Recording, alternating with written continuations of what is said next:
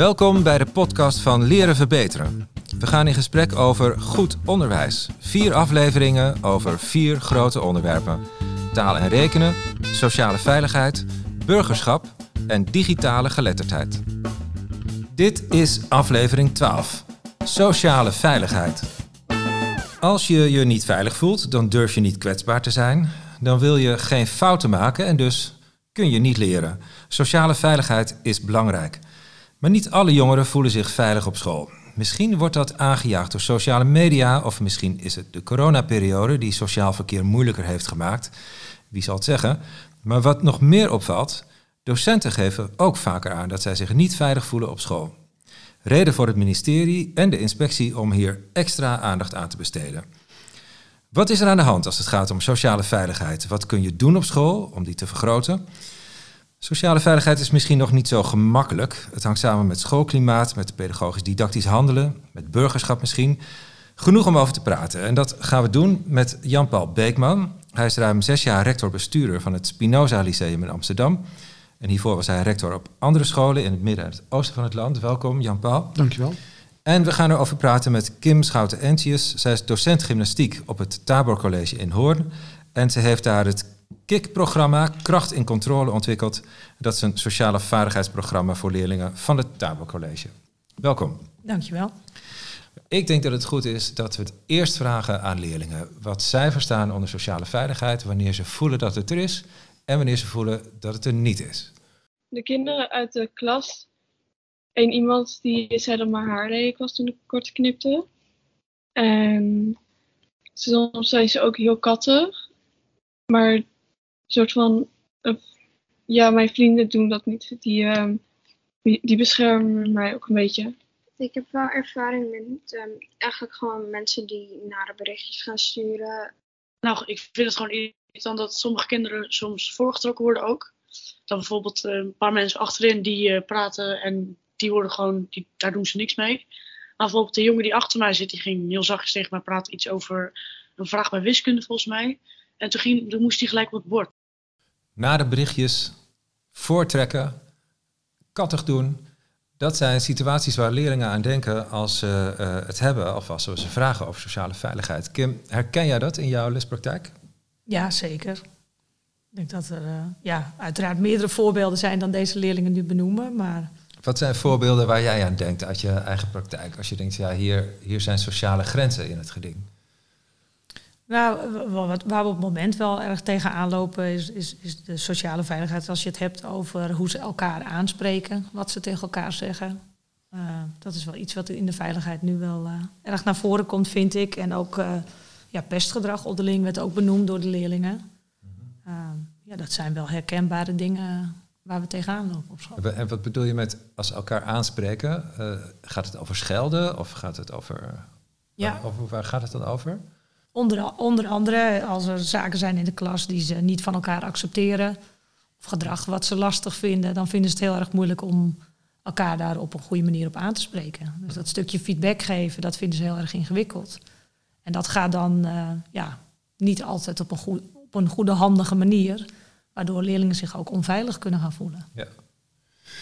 Jan-Paul, jij bent uh, rector op, uh, op het lyceum in Amsterdam, in de mhm. grote stad. Ja. dat betekent grote stadsproblematiek als het over dit soort grenzen gaat?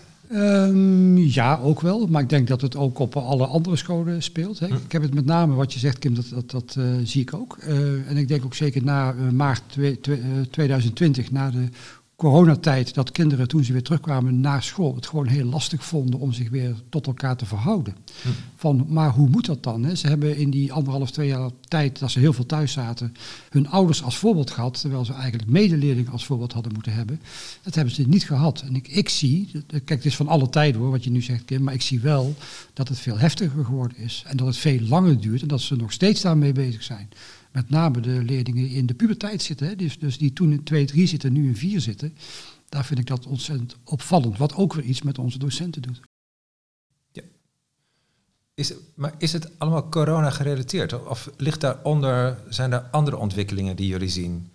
Uh, waardoor sociale grenzen, sociale veiligheid lastiger is of lijkt te zijn dan nou wat is het? Social 10, media 20 jaar denk ik ook, hè, de tijd dat we nu Hm. leven, dat dat ook Hm. een heel eh, ongrijpbaar iets eh, is.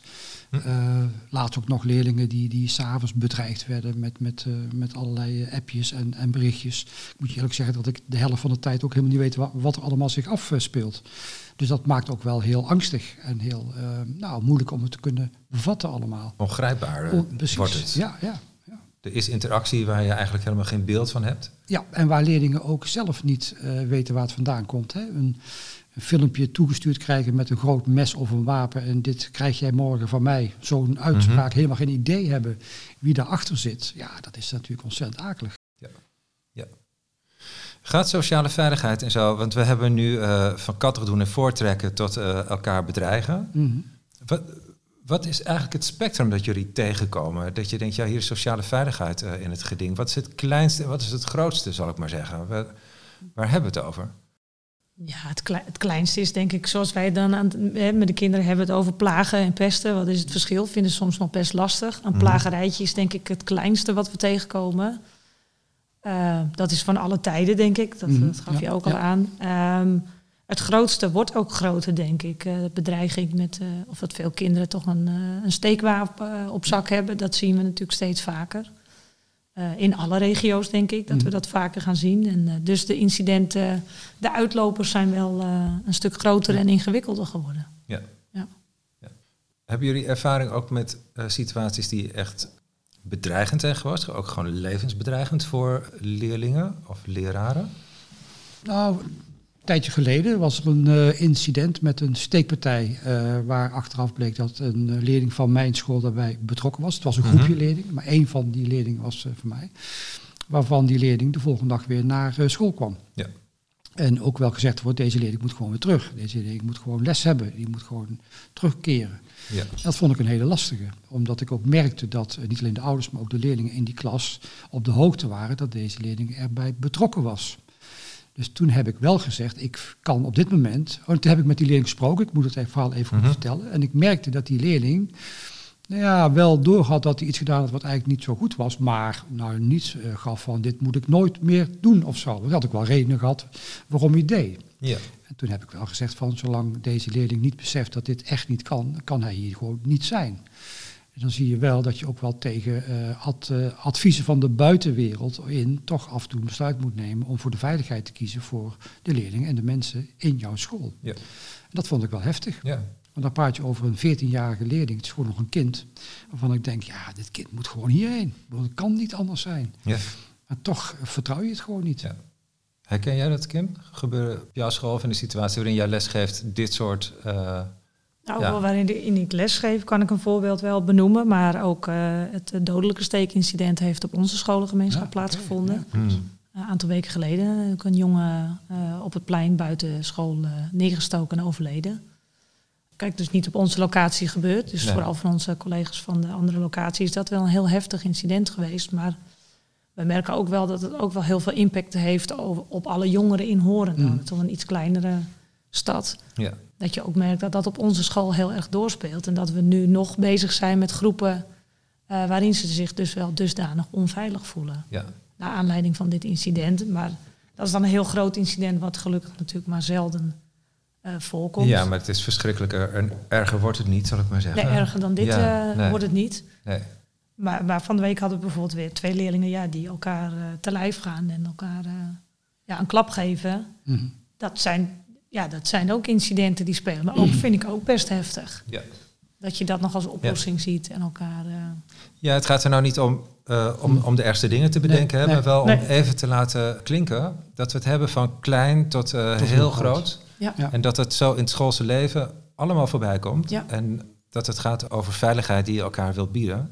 Omdat je in een school kwetsbaar moet kunnen zijn. Ja. Want anders Ja. gaat het niet, zeg maar. Dan Ja. kan je de onregelmatige werkwoorden nog uit je hoofd leren. Ja, precies. Maar kun je niet jezelf Nee. ontwikkelen. Nee. Ja.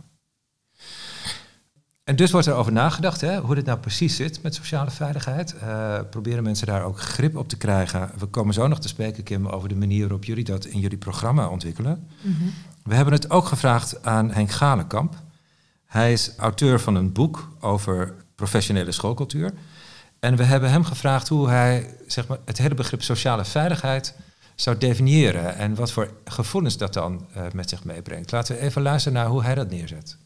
Ik denk dat dat ik dan iets moet zeggen over de term sociale veiligheid en waarom dat zo'n lastige term is. Veiligheid verwijst naar gevaar. Dan moet je bang zijn. Als er feitelijk gevaar is, dan moet je dus bang zijn. En dan moet je ook gedrag vertonen wat voortkomt uit angst. En dat is altijd gedrag in termen van vechtgedrag, uitschakelen, vluchtgedrag, dus wegtrekken, weggaan eh, uit het gevaar. Of jezelf beschermen, bevriesgedrag. Dus, dus dat is heel gezond in een situatie van feitelijk gevaar. Als het gaat over sociale veiligheid, dan gaat het meestal over grensoverschrijdend gedrag. Dan zitten we niet in het domein van bang, maar in het domein van boos. Boos is het signaal dat iemand gedrag vertoont dat over grenzen gaat. En dat geeft dus aanleiding tot begrenzing. En begrenzing, zeggen wij, moet je doen met behoud van relatie. Ja, dat is heel beknopt uh, neergezet, maar wel een belangrijk punt, geloof ik, dat hij maakt. Als het gaat over veiligheid, dan gaat het in dit geval niet zozeer over handelen uit angst. Maar als het over sociale veiligheid gaat en mensen gaan dan je grenzen over, dan word je boos. En dan moet je daar ook anders mee omgaan dan wanneer mensen uit angst reageren. Herken je dat, Kim, in de uh, lijnen die je uitzet in, in jullie programma bijvoorbeeld? Als jullie het hebben over grensoverschrijdend gedrag en dan omgaan met gevoelens, hoe komt dat op de een of andere manier aan de orde in het programma dat jullie maken? Ja, dat, dat, nou ja, het komt eigenlijk bijna dagelijks aan de orde. Mm wij proberen leerlingen op een fysieke manier in een bepaalde setting te zetten dat ze ja, een soort van praktijkvoorbeeld gaan herleven. Of in ieder geval uh, ja, het idee hebben dat het een uh, nou, situatie is die ook in de school voor zou kunnen komen. Daar zijn we in de lessen mee bezig. En dan gaat het ook heel erg over de manier waarop ze elkaar uh, aanspreken. Maar ook tot welke grens ga je bij de ander. Ja. Dus dat grensoverschrijdende, dat komt heel erg terug. En ik ben het wel eens met wat Henk zegt. Dat er zit een heel groot verschil tussen boos en angst. En ik denk dat we inderdaad in de dagelijkse praktijk veel meer te maken hebben met boos en grensoverschrijdend gedrag. Uh, ook wel angst, zeker, want dat heeft er natuurlijk wel mee te maken. Maar ja, ja. dat deel ik wel. Ja. Nou wil de minister in een van de uh, voorstellen die gedaan wordt om sociale veiligheid te vergroten, iets van een meldpunt inrichten. Dat is althans het voornemen. Jan-Paul, denk je dat dat iets gaat opleveren om sociale veiligheid te vergroten? Uh, nee, helemaal niet. Ik denk dat je daarmee alleen maar uh, sterker maakt dat mensen nog angstiger worden. Uh, je krijgt een meldpunt. Dat betekent dat, dat je iets meldt ergens bij iemand of iets wat -hmm. er heeft plaatsgevonden, wat niemand weet, maar waar je misschien wel een melding van maakt, hè, ook in de school zelf. -hmm. Dus in plaats van dat je het contact, het gesprek zoekt om, om het op te lossen of uit te spreken of te kijken wat speelt hier nou, uh, ja, wordt het ergens gebeld waar niemand weet wat er dan een keer terug, uh, terugkomt. Dus het wordt heel onveilig zelfs.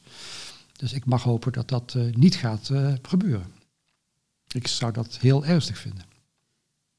Dus het maken van een meldpunt vergroot wat jou betreft ja. de onveiligheid. Ja. ja ja. rondom dit soort situaties. Ja, wij zijn nu gewend om, we hebben vertrouwenspersonen in de school. En je ziet dat daar in, in bepaalde omstandigheden, gelukkig nog niet zo heel veel, maar als het nodig is wel, mm -hmm. dat daar gebruik van gemaakt wordt. Nou, deze mensen zijn goed opgeleid, weten ook echt hoe, heel goed hoe ze hiermee om moeten gaan. Uh, ligt er mij ook in als er iets is, hè, niet op inhoud, maar wel dat er een melding gebeurd is. Dat is een mooie aanleiding om het gesprek met mensen aan te gaan of te kijken wat zou een hele goede aanpak zijn. En dan daarmee los je het 99 van 100 keer gewoon op. Als je, het in een meldpunt, als je een meldpunt in gaat richten, dan wordt het een soort black box waar je geen idee hebt wat er allemaal gebeurt. Ja. En wie meldt mij dan terug? En hoe, en hoe gaat dat dan? Dus ik heb ook heel veel ja. vragen bij ja. hoe dat dan zou werken en hoe dat dan zou moeten. En ik snap ook niet goed waarom deze minister dat wil. Kan je er iets bij bedenken? Ja, kijk, als je denkt dat scholen het niet goed kunnen oplossen of dat wij niet in uh, staat zijn om dat op een goede manier te doen, waardoor de onveiligheid alleen maar toeneemt, kijk, dan zou ik kunnen bedenken dat je iets moet bedenken en dan zou je, nou ja, kun je aan een meldpunt denken. Ja. Maar ik denk dat, uh, ik weet trouwens wel zeker dat heel veel scholen het op een uitstekende manier uh, oppakken. Ja. Dus de vraag is waarom. Ja. ja. Jij Kim, een meldpunt, zou je daar blij mee zijn? Nee. Zou je dat Nee, absoluut niet. Het sluit ook niet aan, denk ik, de manier waarop wij graag willen werken. En ik kan dat, ja, je hebt het heel mooi gezegd, Jean-Paul. Ik denk dat ik daar weinig aan toe kan voegen. Maar ik denk dat we heel goed in staat zijn om het uh, intern op te lossen. En ja, Henk haalt heel mooi aan. Uh, uh, volgens mij moet het altijd met behoud van relatie. En mm. is het ook belangrijk dat je een relatie hebt met degene waar het over gaat. En dat heb je dan op dat moment helemaal niet meer. Dus hoe moet je goed zicht krijgen op een situatie? Dat lijkt me heel erg ingewikkeld vanuit zo'n mailpunt. De oplossing zit in het in stand houden en verstevigen van de relatie juist, als het mhm. gaat over grensoverschrijdend gedrag. Ja. En een meldpunt doet dat bijna per definitie verbreekt de relatie. Ik denk Want dan wel, meld je anoniem. Dat is, dat is een van de punten. Ja. ja, ik denk dat je het vertrouwen schaadt van als het een leerling betreft of een collega, dan uh, ja, ben je die relatie kwijt. Nou wil ik jullie uh, deskundigheid en praktijk natuurlijk volop respecteren. Maar mhm. als jullie nu zou zeggen, nee, maar scholen doen dat gewoon heel goed ja, we hebben het hier toch over, omdat we constateren uh, dat veel mensen in school het steeds lastiger vinden. Daar ben ik het met je eens. Uh, ik vind nog steeds dat de meeste scholen, laat ik even, uh, het echt wel goed doen. Alleen mhm. het wordt wel steeds lastiger. Dus dat we hulp nodig hebben, onder, ondersteuning nodig hebben, kunnen leren van elkaar hoe het beter kan. zeker, graag zelfs. Maar dan zou je die weg moeten, moeten pakken om het beter te doen. En niet te zeggen, we gaan het eruit halen en we gaan het op een hele andere manier regelen. relatie is altijd, denk ik, toch de basis waarop je met elkaar werkt. Op mijn school werken met 130 leraren. Ja, en, en eh, ja, weet je, dan moet je het met elkaar doen. Dus zoek elkaar op, hou korte lijntjes, spreek uit als er iets is. Dat is al moeilijk, eh, moeilijk genoeg, maar dat is wel de basis, denk ik, waarop we doen met elkaar en ook moeten doen. Ja, daar raak je iets wat, uh, wat natuurlijk een beetje fascinerend is aan de dingen die nu zo geconstateerd worden over sociale veiligheid. Dat docenten dat lastig vinden en ook onderling moeilijk vinden. Uh, en leerlingen ook aangeven dat ze dat soort overtreden van grenzen uh, van sociale veiligheid ook steeds lastiger vinden. Dus daar zitten we met z'n allen in, lijkt het. Um, nou ja, wij als volwassenen hebben dat te leren aan leerlingen. Dat is toch wel een beetje een van de basics van, van wat we doen op school. Maar hoe zien jullie die verwevenheid nou? Hoe komt het nou dat volwassenen dat steeds lastiger vinden? Dat leerlingen dat steeds lastiger vinden? kunnen we ze het dan leren? Of komt het juist omdat wij dat steeds lastiger doen, dat leerlingen het niet goed uh, voorgedaan krijgen? Hoe, hoe kijken jullie naar die relatie? Wat, wat is er nou precies aan de hand?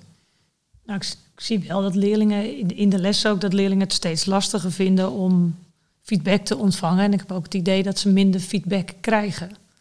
En dat ze dat wel aangeven, dat, dat heel veel kinderen toch ook minder gewend zijn dat ze nou, nee te horen krijgen. Of, of, of in ieder geval te horen krijgen hoe het eventueel anders zou kunnen.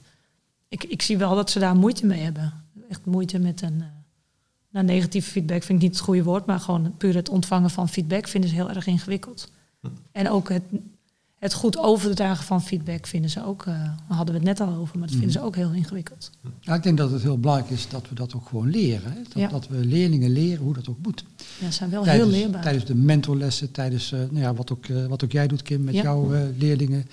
Kinderen moeten het ook leren. Um, en docenten, ja, de ene is daar wat vaardiger in dan de ander. Dat wisselt enorm sterk ook. Dat heeft ook met opvoeding te maken, dat heeft met allerlei zaken te maken. Ook daar, denk ik, moeten we ook aandacht voor hebben.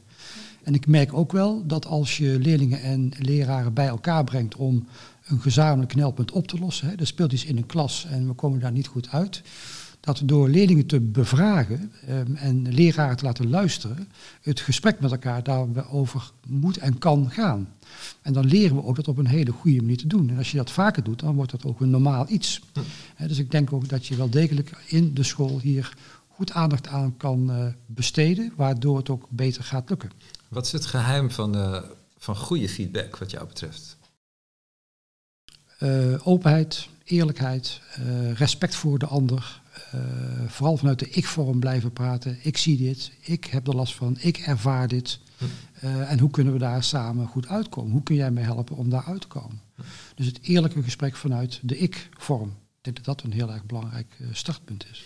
Kim Jan Paul maakt dit heel belangrijk, hè? dat soort aanspreken, feedback geven als je in een situatie zit waarvan je vindt uh, dat het niet oké is of dat het niet fijn voelt.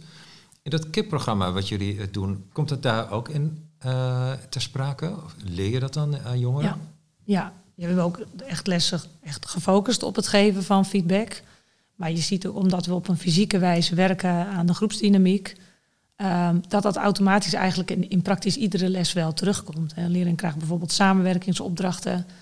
Uh, ja, dat weten we allemaal. Als je aan een samenwerkingsopdracht begint en de groepsdynamiek is niet uh, geweldig, dan krijg je frictie en je krijgt conflicten. Hm. En dat is eigenlijk wat we ook heel graag willen met KIK. We zeggen, we hopen eigenlijk altijd dat het een klein beetje fout gaat. Ja. Dat willen we natuurlijk in het onderwijs niet graag. Uh, daarom als wij docenten opleiden, zeggen dit is net iets anders dan wat je gewend bent. Maar laat het even gaan. En, ja, Jean-Paul gaf het al heel mooi aan. Het is eigenlijk heel mooi om die docent even ga er even buiten staan en ga gewoon luisteren wat die kinderen tegen elkaar zeggen. En dat, ik denk dat we daar veel meer ruimte voor moeten creëren. Want uh, ze kunnen, ze kunnen ongelooflijk goed feedback geven. Ze mm. zijn heel leerbaar. Absoluut. Alleen ze krijgen niet altijd de gelegenheid. Hm. Dus dat feedback geven is één ding. Zijn er andere uh, onderwerpen of, uh, of lijnen die jullie in het KIP-programma aan de orde laten komen? Ja, ja, onder onze methode uh, maken we gebruik van, de, van het sociaal-emotioneel leren. Dus eigenlijk alle facetten die uh, binnen het sociaal-emotioneel leren worden benoemd, die komen in ons KIK-programma uh, komen die terug. en leerlingen krijgen dus één uur in de week standaard op het rooster van leerjaar 1 tot en met leerjaar 3. hebben ze dus een uur in de week ruimte, of hebben wij ruimte om aandacht te hebben voor het sociaal-emotioneel leren. En daarnaast kijken we wat speelt er binnen de school. Uh, we hebben vanochtend bijvoorbeeld twee uur in, extra ingeroosterd uh, een les over uh, handig taalgebruik. Dus we merken dat er veel gescholden wordt op school. Tenminste, dat is wat we, wat we horen. Um, dat we gezegd we willen een extra themales inlassen. Dat gaat de, de mentor of de coach is het dan bij ons. die gaat dat doen en gaat twee uur lang aandacht hebben voor dat thema. En, en, en dat is denk ik het allerbelangrijkste. Dat je aandacht of, of tijd creëert waarin docenten dat ook kunnen doen. Ik vond het vanochtend mooi om in de personeelskamer te komen en hoe de docenten terugkwamen van die lessen. Dan denk ik, ja, dit moeten we echt vaker doen. Dat ze zelf ook blij binnenkwamen van, joh, ik heb zoveel teruggekregen van mijn klas. Hm. Exact wat uh, Jean-Paul aangeeft. Ik heb ineens dingen gehoord waar ik iets mee kan. Uh, waar ik op verder kan bouwen. Ja. Dus het is heel divers aan, aan, aan thema's. En we kijken ook heel erg wat speelt er. Ja, ja, dat is mooi wat je vertelt. Want eigenlijk zeggen we steeds tegen elkaar dat sociale veiligheid groter wordt als je duidelijk bent tegen elkaar over wat goed is, wat je vervelend vindt, wat voor jou een nare ervaring is en waardoor je vraagt aan de ander om daarmee te stoppen. Eigenlijk, als je dat terugbrengt naar dit soort interactie en het benoemen, is het iets wat we volgens mij elkaar sinds de jaren zestig aan het leren zijn. Ik ben oké, jij bent oké.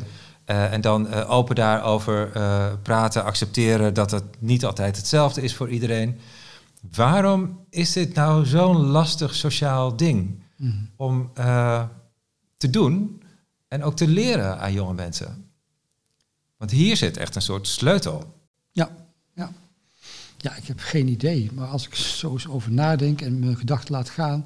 Kijk, iedereen heeft een soort inner, circle. Hè, en daar, daar, kom je, daar, dat, dat, daar moet je niet binnenkomen. Dat is vervelend. Dat, dat wil je niet. Dus ik denk, ik denk dat elk mens van natuur iets heeft van tot hier en, dan, en daar moet je niet verder komen. En uh, stel nou dat, dat we met elkaar toelaten dat je iets, iets meer in die cirkel zou mogen komen. Dan, dan vindt daar wel een, een, enorme nieuwe verbinding plaats die je nog niet eerder gehad hebt. als je dat op een goede manier kunt doen, ja, moet je mij niet vragen hoe, dat is geen mhm. idee. Maar dan zou het wel eens kunnen zijn dat er wel iets heel moois ontstaat en dat je daardoor ook die veiligheid alleen maar groter zou kunnen maken. Want het afschermen van dit is, mijn, dit is mijn cirkel en daar moet je niet binnenkomen, betekent ook dat als je daar pogingen doet om het wel te doen, dat dat ook eh, niet prettig is. Dat het ook een beetje eh, gevaar, eh, niet, uh, niet veiligheid geeft. Dus misschien zit daar iets. Ehm, en als je met elkaar leert dat, dat, dat, dat je tot op zekere hoogte dat wel mag en kunt doen, ja. omdat we ook met elkaar de meerwaarde daarvan gezien en gevoeld hebben, ja, misschien zit, misschien zit daar wat. Ik weet het niet. Nou, het is interessant wat je zegt. Want eigenlijk zeg je, je moet toestaan dat iemand anders over jouw uh, grens heen gaat. In zekere zin. Hè? Dus uh, je moet toestaan dat je iemand dichterbij laat en dat je misschien comfortabel vindt, omdat daar ook een kans voor verbinding zit. Ja. Maar wat we eerder dit gesprek zeiden, is je moet ook je grenzen kunnen bewaken als je het niet prettig vindt. Maar dat is, dit is echt wel spelen met uh, heel intieme grenzen en gevoelens van veiligheid en onveiligheid. Ja. Maar wat je net zei, klinkt ook heel plausibel. Ja, de, de, vind het wel mooi wat je benoemt, want eh, dit is dus wel wat, le- wat leerlingen aangeven waar ze behoefte aan hebben. Wij hebben eh, een, een onderzoek afgenomen een aantal maanden geleden onder de leerlingen wat ze zo waarderen aan de manier waarop wij werken aan sociaal en emotioneel leren. En de punten die daar eigenlijk het meest in naar voren komen, is dat leerlingen het heel belangrijk vinden dat ze, eh, dat ze met elkaar kunnen delen. Zo, wat, wat vind je nou het meest prettig aan het KIK-programma? Of wat, wat zijn de punten waar je het meeste uithaalt? Eh, Dat ik mijn klasgenoten beter heb leren kennen. eh, en dat er ruimte is om ook uit te spreken eh, eh, ja, wat je vindt de, Mm. over, over de manier waarop we met elkaar omgaan in de klas. Dat zijn de punten die ze naar voren laten komen. Dus die behoefte bij leerlingen is dus ontzettend groot. Dus ze vinden het ingewikkeld, maar op het moment dat je ruimte creëert en eh, ze ook leert in een veilige omgeving hoe ze dat kunnen doen, dan merk je dus dat, dat dat hetgeen is wat leerlingen het allerliefste willen. In, als het gaat om sociaal en emotioneel leren. Ja. Dus dat, dat sluit wel heel Hmm. mooi aan bij wat je zegt. Dus de behoefte is er wel, maar we moeten ze er wel eh, ruimte creëren. En we moeten ze wel leren hoe je dat op een eh, Ja. prettige manier kan doen. En Echt. dan mag je ook wel eens over iemands grens heen gaan. Dat merk ik ook, dat dat makkelijker gaat dan. En geldt het ook voor leraren onderling? Ja, Zeker. ja het is gelijk. Geldt voor eh, mensen, denk ik. Hè? Ja. En leraren zouden daar ook wel een voorbeeldrol in kunnen eh, spelen. Hè? Als docenten dat, dat gewoon doen en leerlingen zien dat, dat zij, daarmee, dat, zij dat doen met elkaar. Hè? Dus, dus zoeken naar die grenzen en zoeken naar die. Naar, mag ik er een beetje overheen gaan? Klinkt allemaal een beetje raar wat ik nu zeg, maar ik heb daar wel beelden bij. Leerlingen zien dat dat normaal is, dat dat goed is, dat dat mooi is. Dan nemen leerlingen dat ook wel over. Eh, of die willen dat ook wel doen. Die vinden dat wel eh, boeiend. Wat gebeurt daar dan? En ehm, dan komt de vraag, en hoe, hoe zou dat bij docenten of bij onderwijsondersteuners kunnen doen? Hè? Bij de mensen Ja. in, mijn, in mijn school. Hoe zou je dat kunnen, kunnen bereiken? Ik denk dat veel leraren best voorzichtig zijn met elkaar. We hebben het Ja. allemaal druk, we doen allemaal ons best. Het pakt niet altijd even jovel uit, eh, Mhm. maar we gaan elkaar daar niet op aanvallen. Eh, en ook niet op afvallen. Zeker niet eh, voor leerlingen.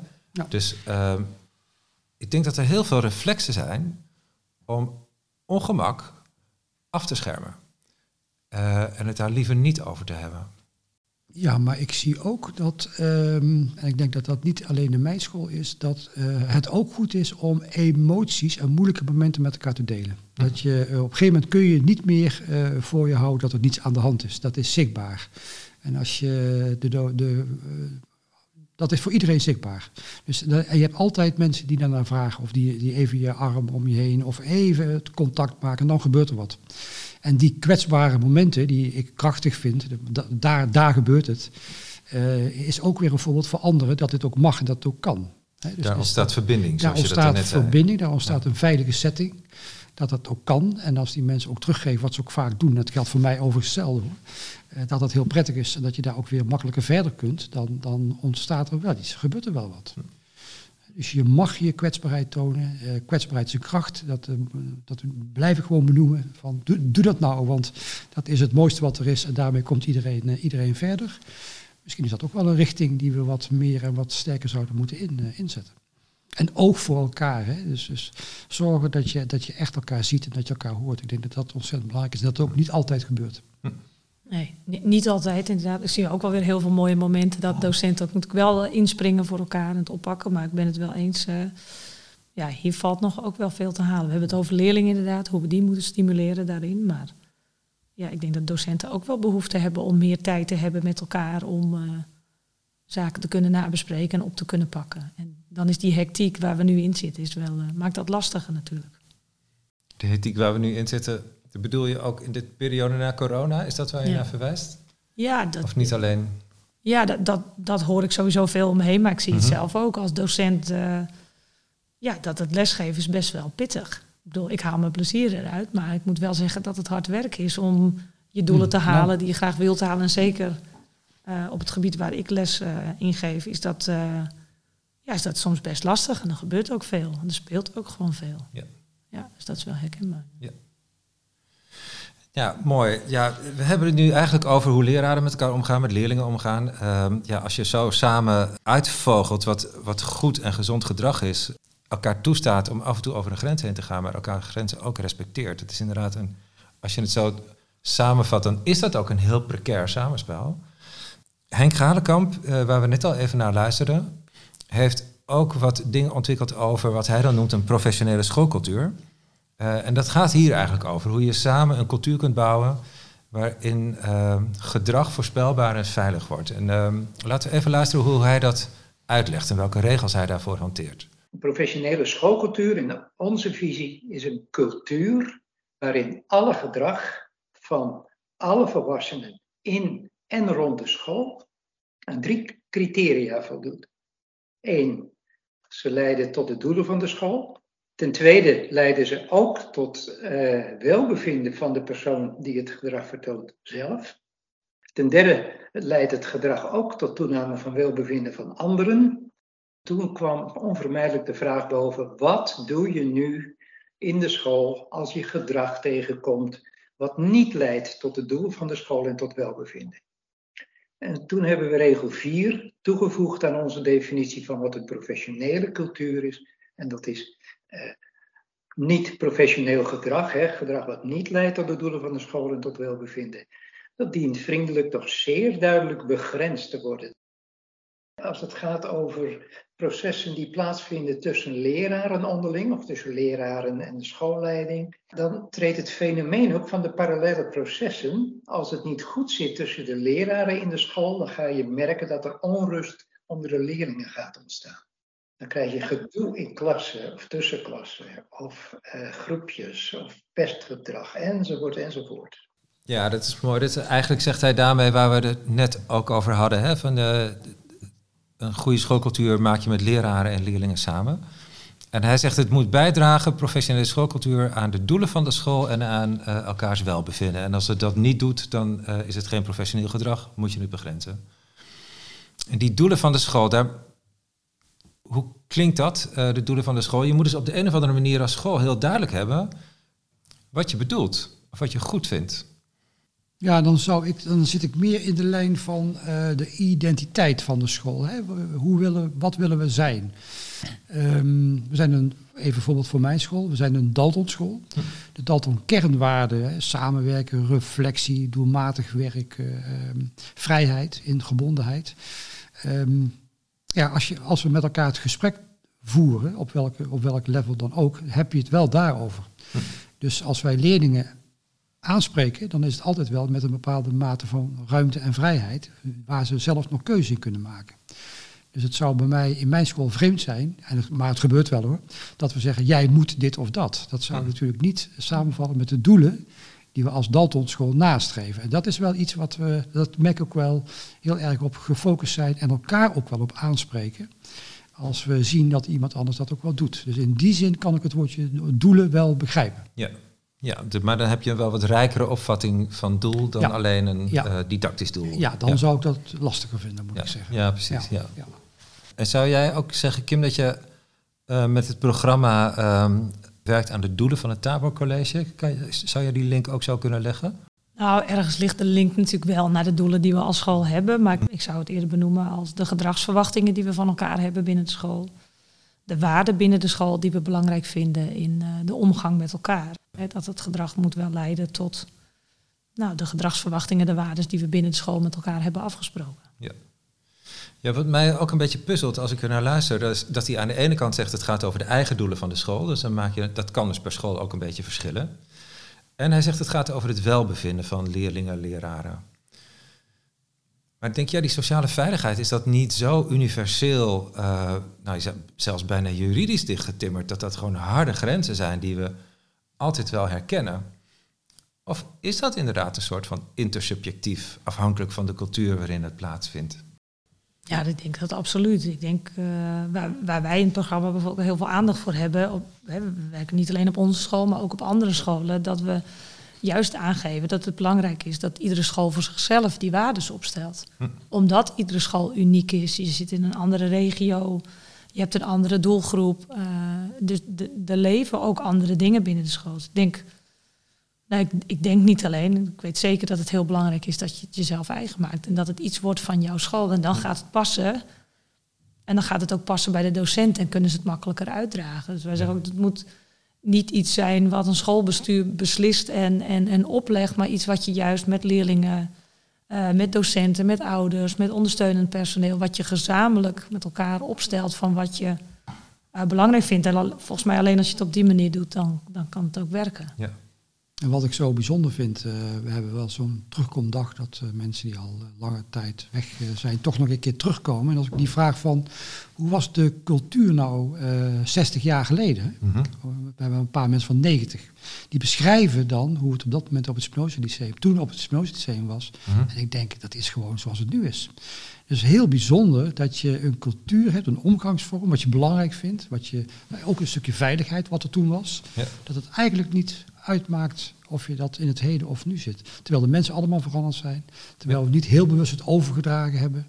Dus schijnbaar trek je dan, of komen toch mensen binnen die zich voegen in de Ja. cultuur van de school. Ja. En misschien eh, past dat ook wel, en dat zie je ook wel, sommige mensen die zich heel prettig voelen, die blijven wat langer. En sommige mensen die zeggen, nou, dit is toch niet mij, ik voel me niet helemaal. Dus dat, dat filtert ook wel uit. Dat vind ik ook wel iets heel boeiends. Dat Ja, dat is zit in de ziel, de ziel van de school Ja. of zo. Hè? Dat Ja. zit erin. Ja, dat klopt. En dan kun je, welke schoolleider ook die komt, ja, die kan van alles willen. Maar dit, dit ga je niet veranderen. Nee, wel mooi. Ik zou daar ook wel zo eh, mystiek over willen praten hoor. Ik geloof ook echt dat dat een snaar raakt. En ik, dat, dat dat heel herkenbaar is voor eh, veel mensen die op een school werken. En hun eigen kinderen weer naar die ene school doen waar ze zelf nog en zo. Hè. Dus dat, dat, ik, dat bestaat echt. Tegelijkertijd, als je het niet hebt, hoe krijg je dan een veilig klimaat? Dus hoe kun je daar dan toch een beetje planmatig aan werken als het ook soms zo ongrijpbaar is? Maar als je nou veel mensen hebt die zich niet zo gemakkelijk voelen in de schoolcultuur zoals die is of ontstaat, Mm. waar, waar begin je dan? Hè? Of waar moet je op letten? Eh, hoe pak je dat dan aan als we zeggen dat het ook lastig is om te doen, dat je leraren en leerlingen nodig hebt? Hoe, waar denken jullie dan aan? Ja, ik haalde dat net al even aan, dat het gewoon heel erg belangrijk is dat je iedereen, eh, dat je alle rollen binnen de school aanspreekt en dat je iedereen eh, betrekt. Ik denk dat dat het belangrijkste is. En als je op een punt komt dat het moet veranderen, eh, dan moet je terug, denk ik, naar een stukje basis. En dan denk ik samen opnieuw kijken van wat vinden we, vinden we dit nog steeds belangrijk of moet dat misschien aangepast worden? Hm.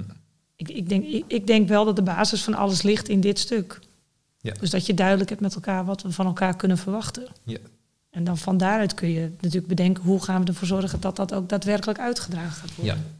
Ja, ja, eens. En ik denk dat hier een hele belangrijke rol ligt voor bestuur en schoolleiding. Die moeten het voorbeeldgedrag geven. Daar zit volgens mij een hele belangrijke sleutel. Oh ja. Die, eh, het voorbeeldgedrag, hè, wat je zegt, hè, de parallele processen in de school.